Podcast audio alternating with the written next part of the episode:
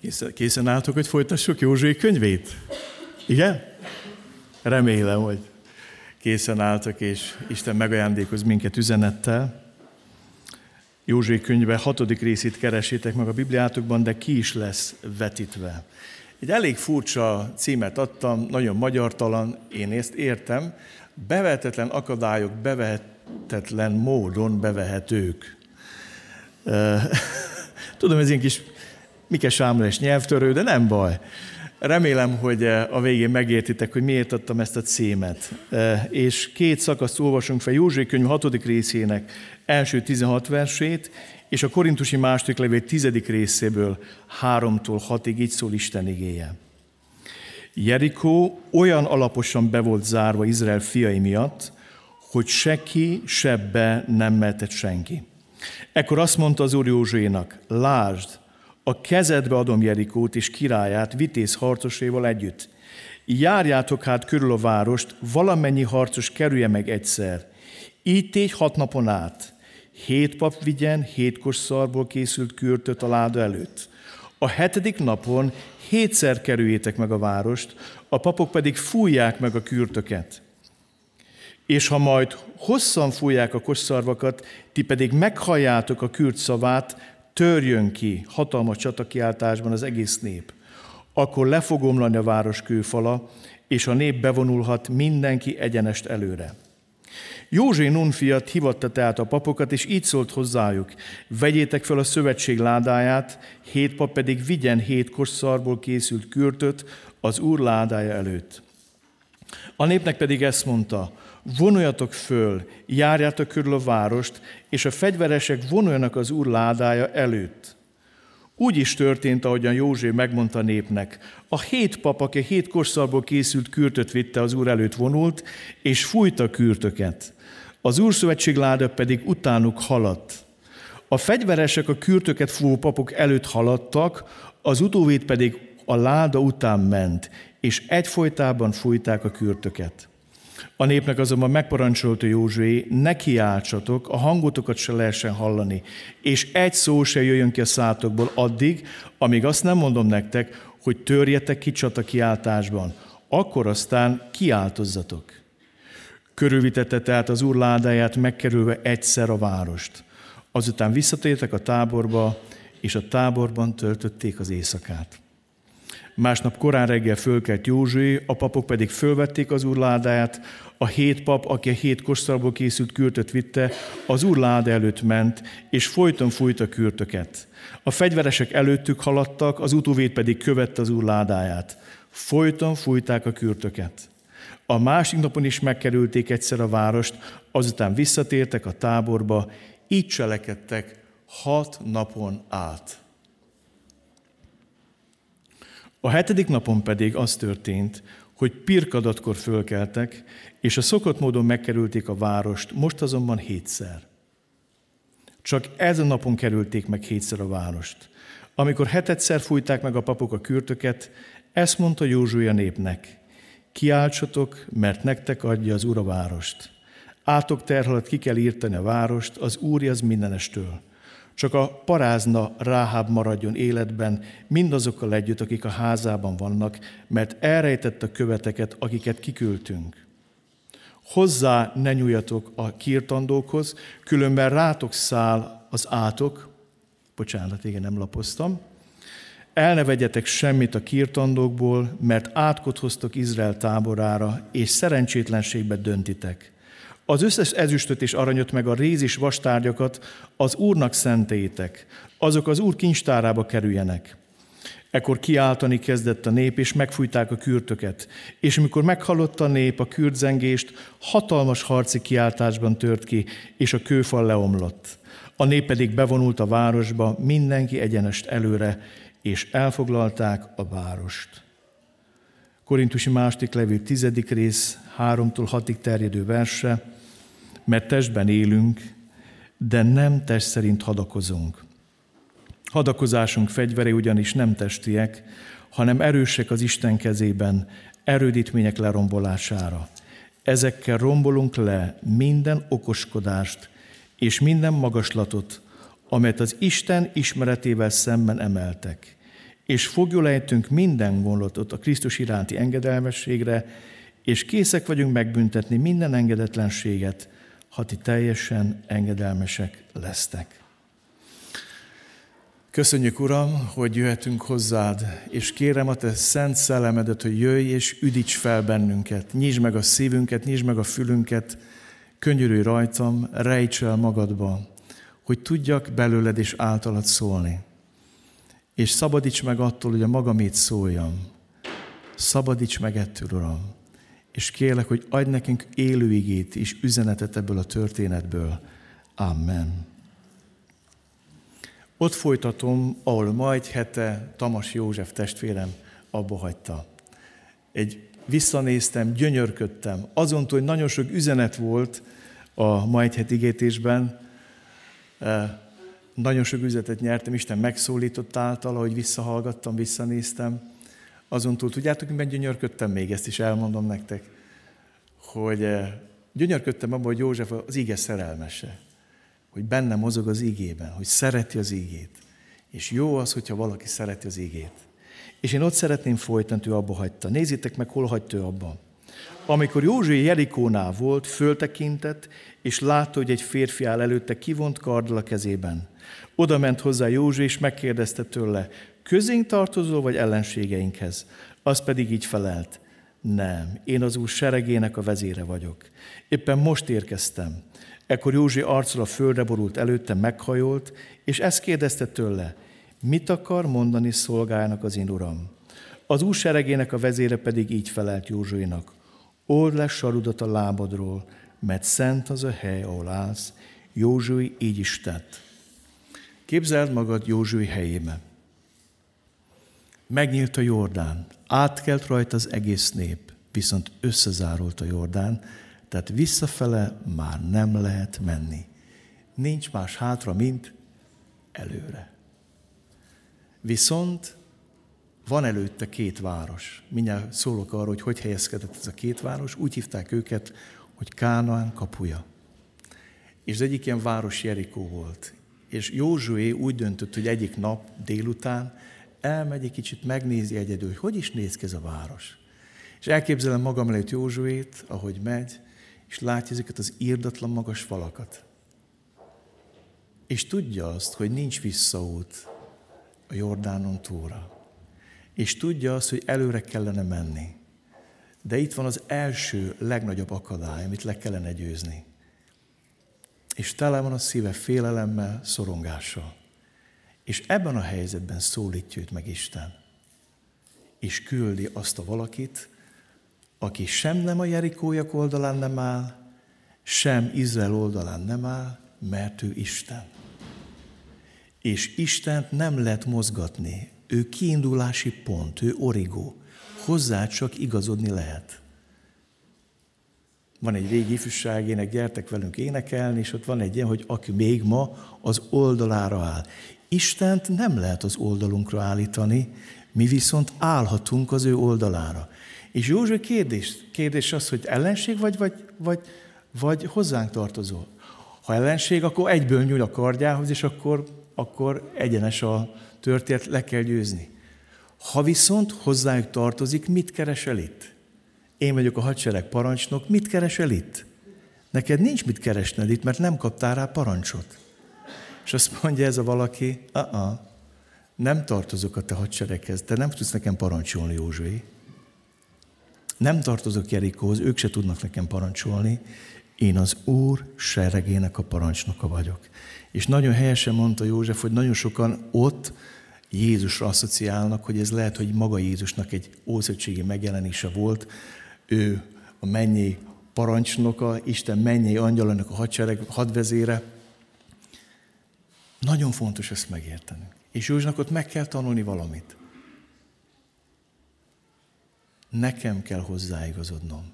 Nem én mozgatom az Istent, ő mozgat engem. És ezt fejezi ki, mikor arcra borul, és azt mondja, mit akar a te szolgádnak mondani az én Uram? És azt mondja, old le sarodat, mert szent az ő láz. Ugyanazt mondja, mint Mózesnek a csipkebokorból. Nem lehet Istent az oldalunkra állítani, de állhatunk az ő oldalára. És szeretnék egy picit szólni nektek, hogy mit is jelent ez, hogy Jerikó és Ajvárosa Kánaán kapuja. Egy nagyon érdekes helyzet, átkelnek a Jordánon, és nagyon furcsa Izraelnek a tomborzata. Tudnotok kell, hogy már a Galileai tenger, amiben belefolyik a Libánon hegységből a Jordán, már az mínusz 200 méterről tengerszint alatt van. És onnan jön le, és lecsodolgál a Jordán, lejön mínusz 400, most már még lejjebb mint abban időben, mínusz 430 méter, a holtenger körülbelül ilyen mélyen van tengerszint alatt. Amikor átkelnek a Jordánon, ők minimum 200 méterrel az tengerszint alatt vannak, amikor átkelnek Jordánon, és ott van előttük egy síkság, amiből kinőnek az elég sziklás, zegzugos hegyek. Volt lehetőségem nem sokat járni ezekben a hegyekben, nagyon szépek, nagyon különlegesek, nagyon kopárak, nagyon sziklások, nagyon vadak. Tele vannak kanyonnal, meg mindenféle szorossal, és ebben a hegységben egyetlen út volt, ami átvitt a hegységen, és ma ez egy nagyon szép országút, ami fölmegy Jeruzsálembe 1100 méterre, meg ott van 1200 méter magas egy is. Tehát mínusz 400-ról 1200-ra az 1600 méter színkülönbség, ugye? És mivel nagyon mélyről nőnek hegyek, ezért nagyon magasnak látszanak. Átkelnek a Jordánon, van egy nagy síkság, és utána írdatlan hegyek meredeznek feléjük. És ebben a hegységben egyetlen út vesz be Kánánba, egy út, ami bevisz a hegybe és átvisz a hegyen. És ennek az útnak a mentén van Jerikó. És Jerikónak az a dolga, hogy ellenőrizze, kontrollálja ezt az útat. Ellenőrzés alatt tartsa. És Jerikó a síkságon van. Ai pedig jóval magasabban, egy hegyoldalban nagyon magasan épült. Egy kisváros volt, egy kis erődítmény, és úgy mondják, hogy Ai volt Jerikónak a szeme. Értitek? Tehát ő fentről nézett mindent. Tehát fentről belátott Jerikó városába is. És kapcsolat volt a két város, és mondhatnám nektek, hogy két ilyen kapu őrzi Kálmán földjét, és annyi mindent jelent ez. Amikor a kémek elmennek, és Mózes utal erre, mikor beszámol, hogy milyen volt, mikor a 12 kém elment, nézzétek, mit mond Mózes. Hová is vonulnánk? Testvérénk elcsüggesztették szívünket, amikor ezt mondták, magasabb és szálasabb nálunk az a nép, városaik nagyok, és falaik az égig érnek. Sőt, még az anákok fiait is láttuk ott. Igen. Jerikó és Aj városa Kánan kapuja. És azt mondják a kémek, hogy égig érő falaik vannak a városoknak. Így látták őt, így érezték. Nézzétek meg, mit mond Isten. Jerikó alaposan be volt zárva Izrael fiai miatt, hogy se ki, be nem mehetett senki. Ekkor azt mondta az úr Józsuénak, lásd, a kezedbe adom Jerikót és királyát vitéz harcosaival együtt. Igazából Jerikó egész Kánaánt jelenti. Úgy is mondhatnám nektek, hogy azt jelenti ma igében, hogy nem adjuk meg magunkat Istennek. Szó se lehet róla. Nem adjuk meg magunkat se Istennek, se az ő népének. Mi itt vagyunk falként. Bezárkóztunk, se ki, se be. Nem jött be senki, nem ismert ki senki, nem tárgyalhat senki. Teljes elzártság. Teljes elzártság. És hadd mondjam nektek, ilyen értelemben az emberi logika számára bevehetetlen a módszer, amit Isten ad Józsuénak. Emberileg gondolkozik Józsué, agyal, nincs megoldása. Aztán jön Istennek ez a harcosa, és az Úr elmondja a megoldást. Azt mondja, úgy kell bevenni a várost, hogy az egész nép fel fog vonulni, és körüljárja hat napon át egyszer, hetedik nap hétszer. A következő képen elől mennek a katonák, utánuk megy a hét pap, akinek a kezében hét kürt van. A héber nyelv azt a szót használja a kürtre, amivel meghívták Izrael népét Istent imádni, Isten tisztelni, Isten dicsőíteni. Magyarán, amikor ők nap mint nap fújták azt a kürtöt, a hét kürtöt, a hét pap, akkor azt üzentik Izrael népének, hogy mi most Isten tiszteletre megyünk, Istent imádni megyünk, hat napon át minden reggel, hetedik nap hétszer. És ez egy meghívó a bentlevőknek is. Olyan sokszor elhangzik a hét hetes szám, hét pap, hét kürt, hét nap, hétszer, a hetedik nap. És azt látjuk, hogy ezek után közepen van a szövetség ládája. Elől mennek a harcosok, utána a hét pap, a kürt, kürtel, meghívják Isten népét imádni Istent, és ez szól a bentlevőknek is, és jön a szövetség ládája középen. És ezután jön, de azt mondja utóvéd, de az egész nép. Nagyon érdekes ezt látni. Aztán azt látjuk, hogy van hét nap, amíg nem omlik le a fal. És a hetedik nap hétszer kell megkerülni, és csak a tizenharmadik körben kell a csatakiáltást elkiáltani. Engedjétek meg, hogy picikét szóljak nektek erről. Amikor Isten ki akarja hívni Egyiptomból az ő népét, azt mondja Fának, engedd az ő népemet, hogy nekem szolgáljanak és imádjanak engem. Engedd el a népemet. A tét az, Izrael kit fog imádni. És Izrael kijön Egyiptomból, és azért jön ki, hogy Isten népe legyen, és őt imádja. És most nem arról van szó csupán, hogy fizikailag be kell venni egy területet, hanem arról van szó, hogy van egy terület ezen a világon, ahol nagyon gusztustalan bálványokat és szokásokat gyakorol egy egész népcsoport, és Isten be akar vonulni erre a helyre.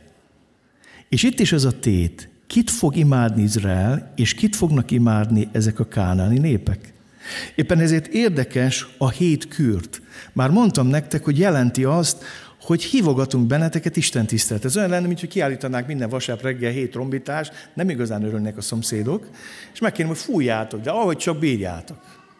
Hogy itt a környező emberek tudják, hogy kezdjük az Isten tisztelet, gyerünk, jövünk Istent imádni. Ugye? Hát a harang is erről szól. Húzzák a harangot, akkor úgy tudom, hogy kezdődik valami, nem? Kéne menni, nem? Tehát meghívás Isten imádatára, Isten tiszteletére. A másik nagy üzenet, hogy a szövetség ládák középen van. Volt, hogy előttük ment, volt, hogy mögöttük ment, most azt látjuk, hogy középen van. Isten jelen van a népe életében. Középen van. Jézus Krisztus szeretne középen lenni a gyülekezetünkbe, az őt megéletű helyen. Aztán ezután jön az egész nép. Kedveseim, mi ezt nagyon elbogatelizáljuk. Mi magyarok mesterei vagyunk a széthúzásnak. Mesteri módon értünk ahhoz, hogy mindent és mindenkit megkritizáljunk, és ahány vagyunk, annyi felé húzzunk. Itt nem arról volt hogy mindenki akkor megy, amikor akar. Én megyek ekkor, te menj akkor, te is tedd meg hat napon át, én is megteszem, azt mindenki, ahogy tud. Hát olyan magyarosan, nem? Hanem azt olvassuk, hogy együtt kellett menni. Együtt.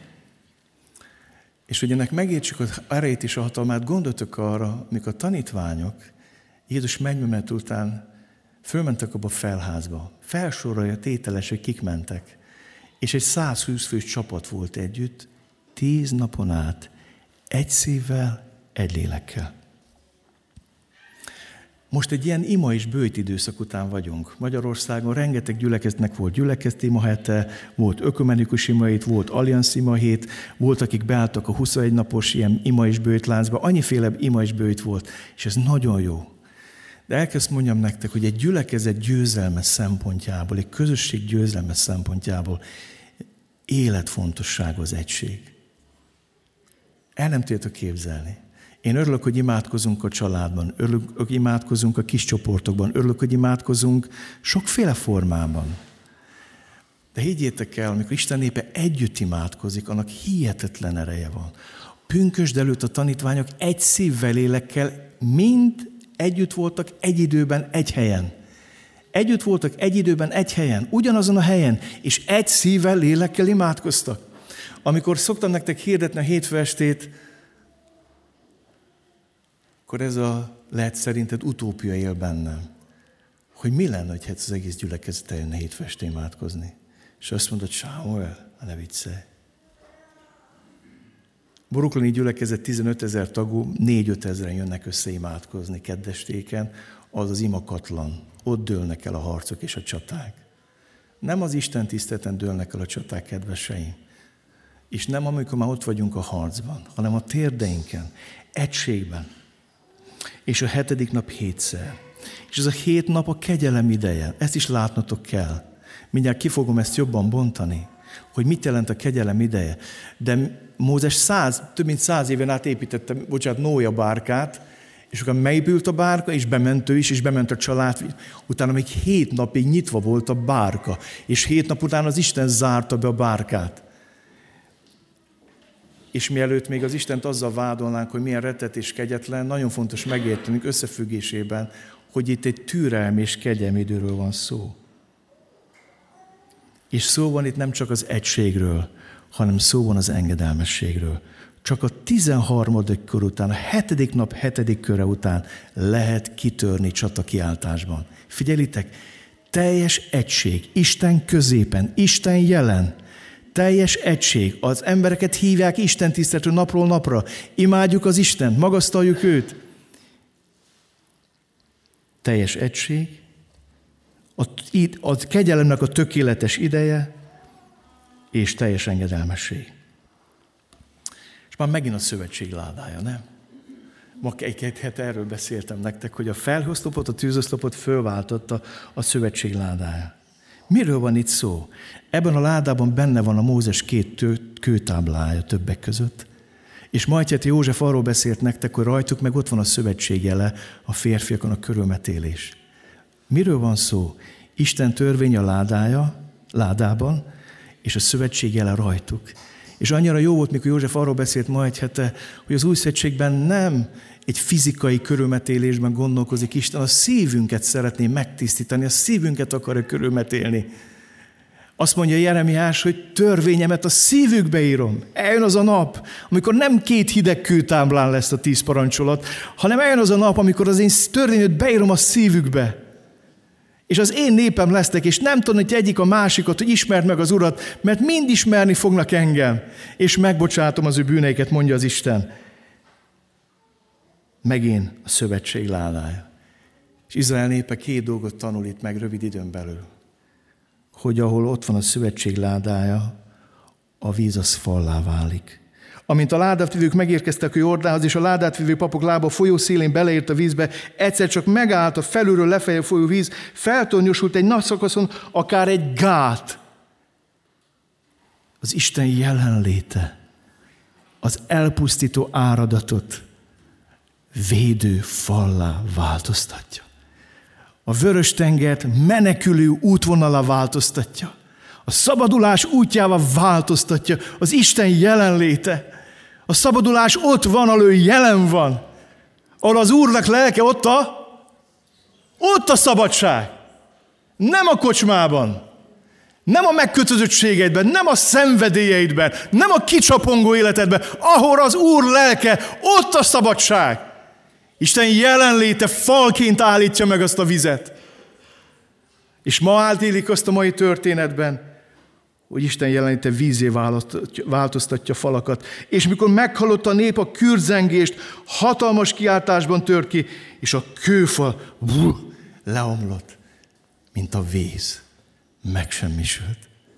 Ez az, amikor nem mi állítjuk Istent az oldalunkra, hanem mi harcolunk az ő oldalán. Ez az, amikor ő közöttünk középen jelen van. Ez az, amikor van egység. Ez az, amikor van engedelmesség. Ez az, amikor Isten megszenteli önmagát, akkor a víz fallá válik, ha kell. És a fal vízzel válik Isten jelenlétében. És megint csak mondom, most már ismétlem magam, majd két hete már mondtam, nem ők viszik a ládát, hanem a láda viszi őket. Nem mi hordjuk a keresztet, hanem a kereszt hordoz minket. Már mondtam nektek, milyen az, mikor mi visszük a ládát, Hofni és Finás belevitték 30 ezeres mészárlásba Izrael népét. Miért? Mert nem volt szentség, nem volt tisztaság, nem volt engedelmesség, és nem volt egység. De vitték a ládát, mert azt hitték, hogy mi visszük az Istent, oldalunkra állítjuk az Istent. Nem lehet. Olvasok egy könyvet Viski Ferencről, már befejeztem, egy 400 oldalas könyv, nagyon, nagyon szép könyv. Nyolc évet volt börtönbe, kommunista börtönbe. a családját elvitték majdnem öt évre a Duna deltába egy ilyen lágerfaluban, ilyen gödörlakásokban lakott a felesége hét gyermekkel. És van egy könyv, az a című kitelepítés, ahol a legkisebb fiú leírja most, 60 éves fejjel, hogy hogy emlékszik Víra arra, az arra négy és fél évre ott a, a lágerben. És az ő édesapjának, Feri bácsinak volt ez a mondata, nem én tartottam meg a hitet, a hit tartott meg engem. Mikor mondták, hogy az ő nem semmi, nem adta be derekát, vállalta börtönt. És képzettek el, volt egy érdekes helyzet, csak idézek a könyvből, ahol meglátogatták az elvtársak a feleségét ott a lágerfaluba, különféle ajánlatokat tettek, hogyha megtagadja hitét és beiratja gyerekeit a kézbe, meg a mit tudom én, átnevelő képzésbe, akkor, akkor, akkor akár már most ki lehet jönni, és haza lehet menni. És azt mondta a felesége, semmi ok elkapkodni ezt a szabadulás dolgot, nekünk aztán van időnk. Ezt mondta a feleség. Nem kell kapkodni ezt a szabadulást. Mi nem sietjük ezt, de van időnk bőle. Amikor Isten hord minket. Isten hord karjain. Amikor Isten hordoz minket. Nagyon fontos. És ebben az igében különleges erők mozognak. Már rég beszéltem nektek a vertikális gyülekezet, úgyhogy most ki fogjátok bírni, hogy hosszú idők után megint erről beszélek. Vertikális és horizontális erők és mozgások a mai történetben. Miről van itt szó? Ott van egy hatalmas várfal. És Jerikó lakosai a falakban bíznak, amelyek horizontálisan védenek. Vertikálisan viszont nem. Hiába vannak égig érő falaid. Ők azt mondják, mi bebiztosítottuk magunkat, ajban van a szemünk, ők látnak minden mozgást, jelzéseket küldnek nekünk a hegytetőről. Látjuk őket, be vagyunk biztosítva. Van műholdunk, Ai város. be vagyunk biztosítva. És magas falaink vannak, és ők abban bíznak a falaikban. És a falak mitől védnek? A vízszintes mozgásoktól csak. Egy dolgon nem számoltak, hogy van valaki, aki fentről akar őket megközelíteni, és nem oldalirányból. És mi hatalmas falaink, amiket építünk, azok semmit nem érnek ilyenkor. És ott van ezzel szemben Izrael népe, aki a fridládát viszi, a szövetség istene, az ima, az imádat, az Isten tisztelet. Erről beszélt itt Judit az előbb, erre hívott minket. Megfújják a kürtöt, gyertek imádni az Istent, és ezt teszik. Isten jelenléte, szövetség istene. Ez egy vertikális mozgás. Isten arcát keressük. Viszont horizontális következményei vannak, mert leomlanak a falak. És van itt egy nagyon érdekes logika. A fal leomlásaik egyetlen horizontális mozgást nem tehetnek. Nyilvesszőkkel, paritjákkal és dárdákkal neki rontani a falnak értelmetlen. Isten nem engedi meg. Ez lenne a logikus. Hát a fal az ott van. Hát menjünk neki. Nem? Hát menjünk neki. A falat kell legyőzni. Azt mondja, uh-uh. semmi mozgás abban az ember. Minden mozgás merre? Erre. Tudjátok miért annyira kudarcos ma Isten népe? Itt a világnak ezen az oldalán? Mert a ma egyháza állandóan milyen kőfal csináljunk, milyen létrát gyártsunk az argeszné, ugye? Menjünk föl, kapaszkodjunk föl, dobjuk be a csákját. Horizontális mozgások vannak. Milyen szakembereket hívjunk? És kudarc, kudarc, kudarc, kudarcra van ítélve Isten népe. Mert elvesztettük a vertikálist. Elvesztettük azt, hogy ezek a harcok látszólag így zajlanak, de abba az irányba kell történnie. Az imádság odaszól, a bőt odaszól, a megalázkodás odaszól, az imádat odaszól, az Isten tisztelet odaszól. Kapcsolódunk ahhoz, aki felette van minden falnak. Ahhoz az Istenhez, aki fentről, fentről nyúl be az emberek életébe. És milyen szánalmas a falakban bízni. Azt mondják, nem, mi bízunk a falakban. Izrael pedig nem a fegyvereiben bízik, abban végképp nem. Mit tudsz te kis kőparitjákkal elintézni, meg nyilvesszőke? Mit lehet csinálni várfalla? Csak elpocsékolják a fegyverzetüket. Nem szabad tenni semmi ilyesmit. Olyan jó lenne ma megérteni, kedveseim, azt, hogy van az életünknek egy olyan vetülete, amit elhanyagolunk, azt nem lehet pótolni senkivel és semmivel. Ez pedig az, hogy a frigyláda középen van, hogy egy szívvel, lélekkel imádkozunk, hogy van egység és engedelmesség, hogy tőle várjuk a segítséget, hogy Isten köztünk van középen, ezt nem lehet senkivel és semmivel se pótolni. És szeretnénk most szólni nektek bevetetlen helyekről és bevetetlen emberekről. Ninive azt hitte magára, hogy bevehetetlen. Egy rettenetes királya volt Nebukadnecár szemében, meg az összes több uralkodó szemében. Vérengző nép volt, mindenkit megalázott, mindent megalázott, és úgy hitték, hogy ők bevehetetlenek. És egy habókos, bogara zsidó próféta elmegy a városba, és mond egyetlen vertikális mondatot. A vertikális mondat így szól, még 40 nap is elvisz Ninive. És Ninive nem Jónás miatt tér meg, hanem azért tér meg, mert az, amit Jónás mondott, az a kis érdekes szájával,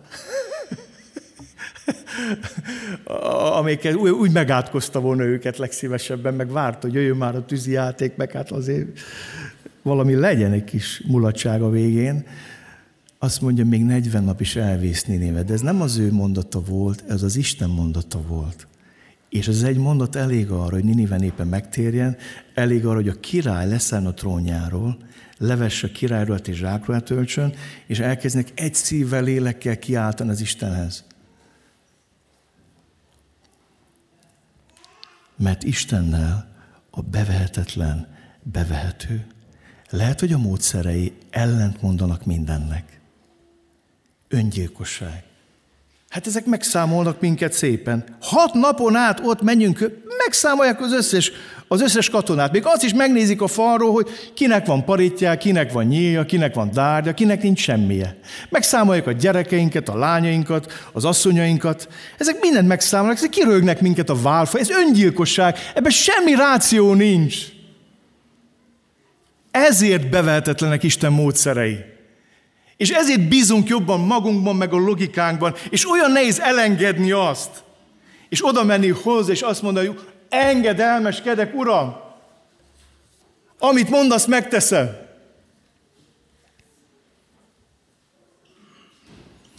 Ki hitte volna azt, hogy egy ötször elvált asszony, aki élettársi kapcsolatba él, olyan életváltozáson megy át, hogy bemegy Sikár városába, és azt mondja, gyertek ki a kúthoz, gyertek ki a kúthoz, mert találkoztam valakivel, aki megmondott nekem mindent. Vagy nem a Krisztus. És kijön az egész város, és megtér. Mert Isten beveszi a bevehetetlent. Ott van Nebukadnetszár, aki teljesen elzárkózik a birodalmának a közepén. Itt én vagyok a király. És egyszer csak jön a vertikális álom nyugtalanító álmok érkeznek fentről, és nem tud vele mit kezdeni. És aztán üzen, aztán megfejtik az álmat. És aztán nem akar hallgatni Istenre. Aztán fűbe harap, megőrül, mert amikor valaki Isten csinál magába, az előbb-utóbb megőrül, ez általában így szokott lenni, és azt mondja, hogy mikor hét korszak után fölnéztem, megtettem ezt a mozgást, nem ezt, hanem ezt. Ezt. Akkor visszatért az értelmem. Akkor visszatért az értelmem. De nagy dolog ez. Ott van Saul, aki bízik a benyemi származásában, a zsidó származásában, a farizeuságában, abba, hogy én az egyház üldözők, ez is egy státusz szimbóluma volt. Ó, hány fal vette őt körül. A származása, a politikai hovatartozása, a farizeusi rangja, az egyház üldöző rangja, legalább négy fal vette körül a Damaszkusz ütik, és csak így Isten megpöccinti fentről. Érted? És leesik. És azt mondja, amikor találkoztam vele, kárnak és szemétnek ítéltem mindent az ő páratlan nagyságáért. Hadd mondjak valamit a házasoknak. Sok fiatal pár mondja azt, hogy megváltoztatom majd a férjem, a feleségem. Hallottatok már ilyen mondatot? Nem? Mondtatok netán ilyet? Majd én megváltoztatom. Dombó Zsoltól hallottam ezt, úgy megérintett. Azt mondja, ne akartam megváltoztatni senkit, az ember megváltoztatására egyetlen egy valakinek van joga. Kinek? Kinek? Istennek. Ezt mondja, inkább tudod, mit csinál? Mondd azt, apám, édesatyám, beszélni a fiaddal? Beszélni vele? Nagyon kényelmetlen, nagyon gáz, most ahogy viselkedik, szólnál neki? Istennek van joga, Istennek van hatalma megváltoztatni, Istennek van hatalma ezeket a falakat ledönteni, mögé látni, mögé lépni. És úgy megérintett ez engem, hogy, hogy imádkozol, imádkozol te annyit, vagy imádkozunk annyit a társunkért, mint amennyire szeretnénk megváltoztatni, nem? Szólsz neki, hogy uram, beszélni a lányoddal, vagy a fiaddal? Menj, atyá, te vagy az apukája neki is, nem? Már nem ismétlem, hogy gyülekezet ima élete rendkívül fontos. Megyek tovább, már nincs sok. Hadakozásunk fegyverei, mert testben élünk, de nem test szerint hadakozunk. Hadakozásunk fegyver ugyanis nem testiek, hanem erősek Isten kezében, erődítmények lerombolására. Ezekkel romolunk le minden okoskodást, és minden magaslatot, amelyet Isten ismeretével szemben emeltek, és fogjulejtünk minden gondolatot a Krisztus iránti engedelmességre és készek vagyunk megbüntetni minden engedetlenséget, ha ti teljesen engedelmesek lesztek. Azt mondja Pál, újszövetségi nép, ami hadakozásunk fegyveri nem testvérek. Nem az emberi okosságban, bölcsességben gyökereznek valami egészen másban. Vannak olyan erődítmények, valami emberi bölcsességünk csődöt mond. Csődöt mond. Olyan, mint hogyha kis paritja kövekkel ütögetnénk Erikó falát, mint hogyha bele, bele se tudna állni a nyilveszi a falba, nem hogy még ledöntse. És megyünk, és kínlódunk ezekkel az eszközökkel. Hadakozásunk fegyvere nem testiek. És szeretnék még két gondotot megosztani, pontosabban hármat veletek, és befejezem. Az Úri az mindenestől. Üzenet volt ez is számomra, amikor hat egyszer fújták meg a papok a kürtöket, ezt mondta József a népnek, kiáltsatok, mert nektek adja az Úr a várost. Átok terület, ki kell írtani a várost, az Úré az mindenestől. Hadd mondjak valami nagyon fontos üzenetet ma, amit Isten nekem is mondott. Én azt hiszem, hogy a ma egyházának az egyik kudarca, hogy mi az embereket egy felekezet számára és magunk számára szeretnék megnyerni.